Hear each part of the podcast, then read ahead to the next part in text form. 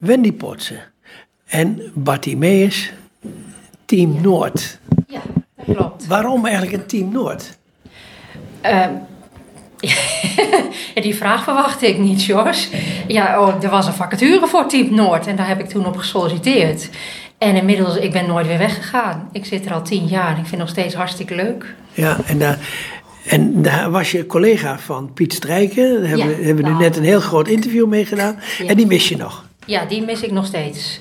Ik heb hartstikke leuke nieuwe collega's, maar Piet was gewoon Piet. Die, eh, ja, dat was eh, zoals, zoals hij, eh, opmerkingen die hij kon maken. Iedereen die vond het leuk. Ja, dat, dat zijn opmerkingen die andere mensen niet zomaar durven maken. Ja, ik ken hem nog als directeur, eh, eh, circusdirecteur. Ja, nou, ja, dat was ook typisch Piet. Nou, wie doet dat nou? Welke collega zou ik nu zien die circusdirecteur gaat zijn op zo'n grote beurs? Nou, en Piet, die, die, die rol past hem perfect. Ja. Was hartstikke leuk. Ja, en ongetwijfeld heb je hem gemist in de coronatijd. En, Ja, eh, toen ik, was hij al weg. ja, Ja. en ik wou jou toch even vragen van, hoe ging dat nou in de coronatijd? Ja, nou, we hebben natuurlijk, hè, bij die allereerste lockdown ging alles dicht. En toen moesten wij ook stoppen met onze zorg. En dat was heel lastig. Eh, we hebben heel veel mensen geprobeerd telefonisch contact te houden, dat mensen wel hun verhaal kwijt konden. Maar ja, je weet je, een iPhone-training, een mobiliteitstraining, echt alles lag stil. En dan zijn het geen levensbedreigende dingen. Hè? Dus mensen begrepen ook heel goed dat ze gewoon geduld moesten hebben.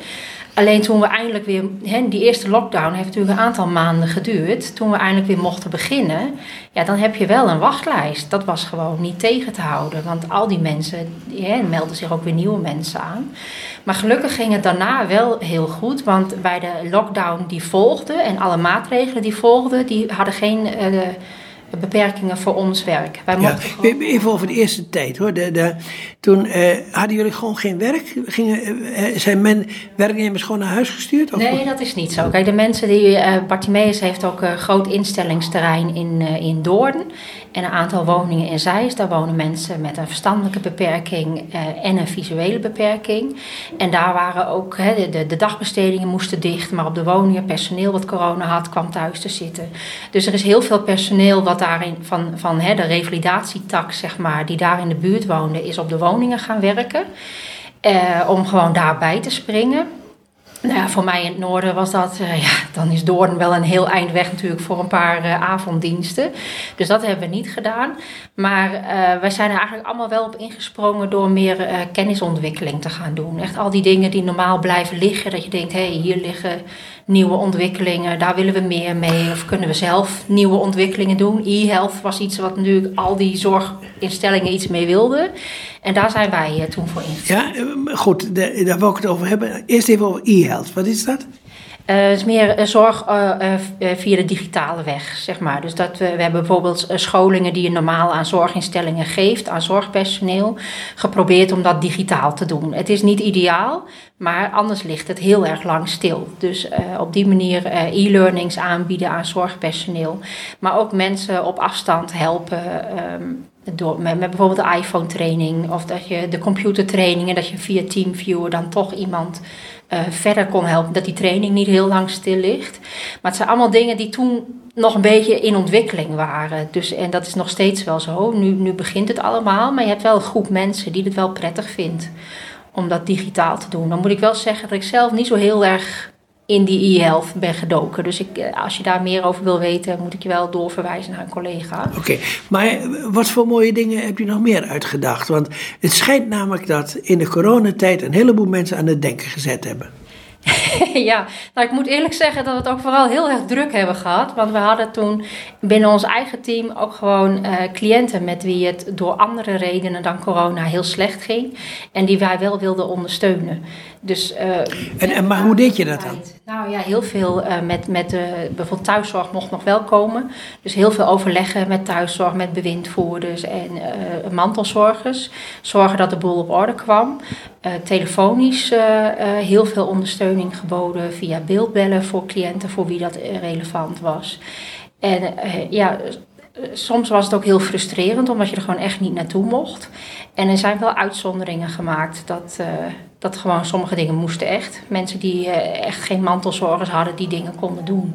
Dan eh, kregen we wel toestemming om, uh, om toch daar naartoe te gaan en op afstand wel grote problemen op te lossen. Maar dat was echt een uitzonderingsgeval. En zat je toen ook met dat geklooi dat je geen mondkapjes mocht dragen?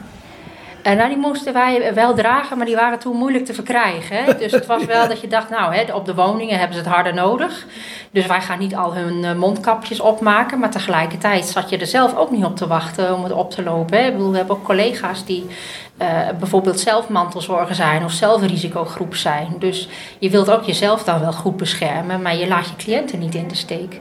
Dus we hebben eh, wel, ja, ik vind het nog steeds, hè, als je gewoon fysieke zorg had kunnen leveren, was het beter geweest.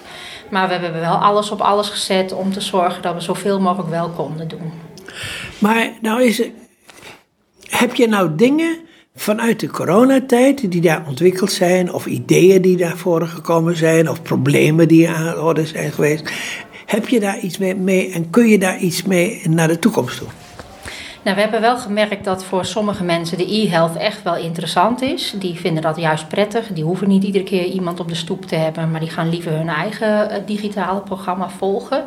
Wat juist het andere kant is, wat we hebben gemerkt, is dat de groep uh, mensen met een visuele en auditieve beperking, dus zeg maar de, de slechthorend, slechtziend of doof en blind, dat dat. Uh, echt een hele kwetsbare groep is, waar we gewoon veel meer uh, hè, met mondkapje op. Ja, het was heel belangrijk, maar dan konden mensen je niet meer verstaan. Maar ze konden je ook al niet zien. Dus eh, die anderhalve meter, dat ging echt niet. Als ik een iPhone-training moet geven, kan dat niet op anderhalve meter afstand. Dus we hebben ook vooral gemerkt, uh, en dat was in de latere periodes, hè, toen mochten wij wel aan het werk, maar met die beperkingen van anderhalve meter en bescherming van mondkapje en handschoenen. En daar zijn toen wel uitzonderingen in gemaakt. Dat je de, de doofblinde groep gewoon echt, ja, dat ging gewoon. Ja, die moet je aanraken. Ja, ook als je vierhandige gebaren gebruikt. Dat kan niet anders. Maar dat was wel een beetje zoeken. Want ja, ook sommige cliënten die, die hadden dan risicovolle contacten. Terwijl jij zelf misschien diezelfde avond ook weer mantelzorger bent. Je wilt geen risico lopen dan. Is het trouwens zo dat, dat mensen die een, uh, slechtziend zijn en slecht horen... Komt dat vooral bij ouderen voor? Nou, wel meer. Het is een grote groep, maar ook aangeboren komt voor. Dus, maar dat is wel een klein, de grootste groep mensen met een dubbele zintuigelijke beperking is wel uh, ouderen. Uh, maar misschien komt het wel omdat, omdat iedereen nou ouder wordt. Het dat we daar meer hebben? Ja, als we steeds ouder, dat, dat weet ik niet. Nee. We hebben wel een expertisecentrum doofblindheid binnen Bartimeus. Die weten de cijfers ook uh, meer. Kan je zo meteen uh, mijn collega nog even op je afsturen. Die is hier, nou, zij is lid van het expertisecentrum en zij is hier vandaag ook. Dus uh, wij hebben veel, veel mensen, maar het is niet zo dat iedereen altijd en doof en blind is. Het is ook, kan ook zijn dat je slechtziend en slechthorend bent. Maar ja, nou, dat bedoel ik. Het slecht horen, slecht je compenseren. Hè? Als je slechtziend bent, ga je heel erg compenseren door gehoor. Dat zie je ook aan de hulpmiddelen die hier vandaag En nu kan dat vaak bij ouderen worden opgelost door een cochleair implantaat. Ja, dat kan niet altijd. Dat kan niet altijd, maar in veel gevallen wel. En dan, uh, dan kun je toch wel uh, spreken. En dat, dat is al een hele hulp. Ja, dat is echt heel fijn dat die ontwikkelingen er zijn. Maar het is ook geen wondermiddel natuurlijk. Het is best intensief, omdat ook maar, je moet echt weer opnieuw leren luisteren. Goed, laten we dat maar afspreken. We gaan geen wonderen doen. Nee.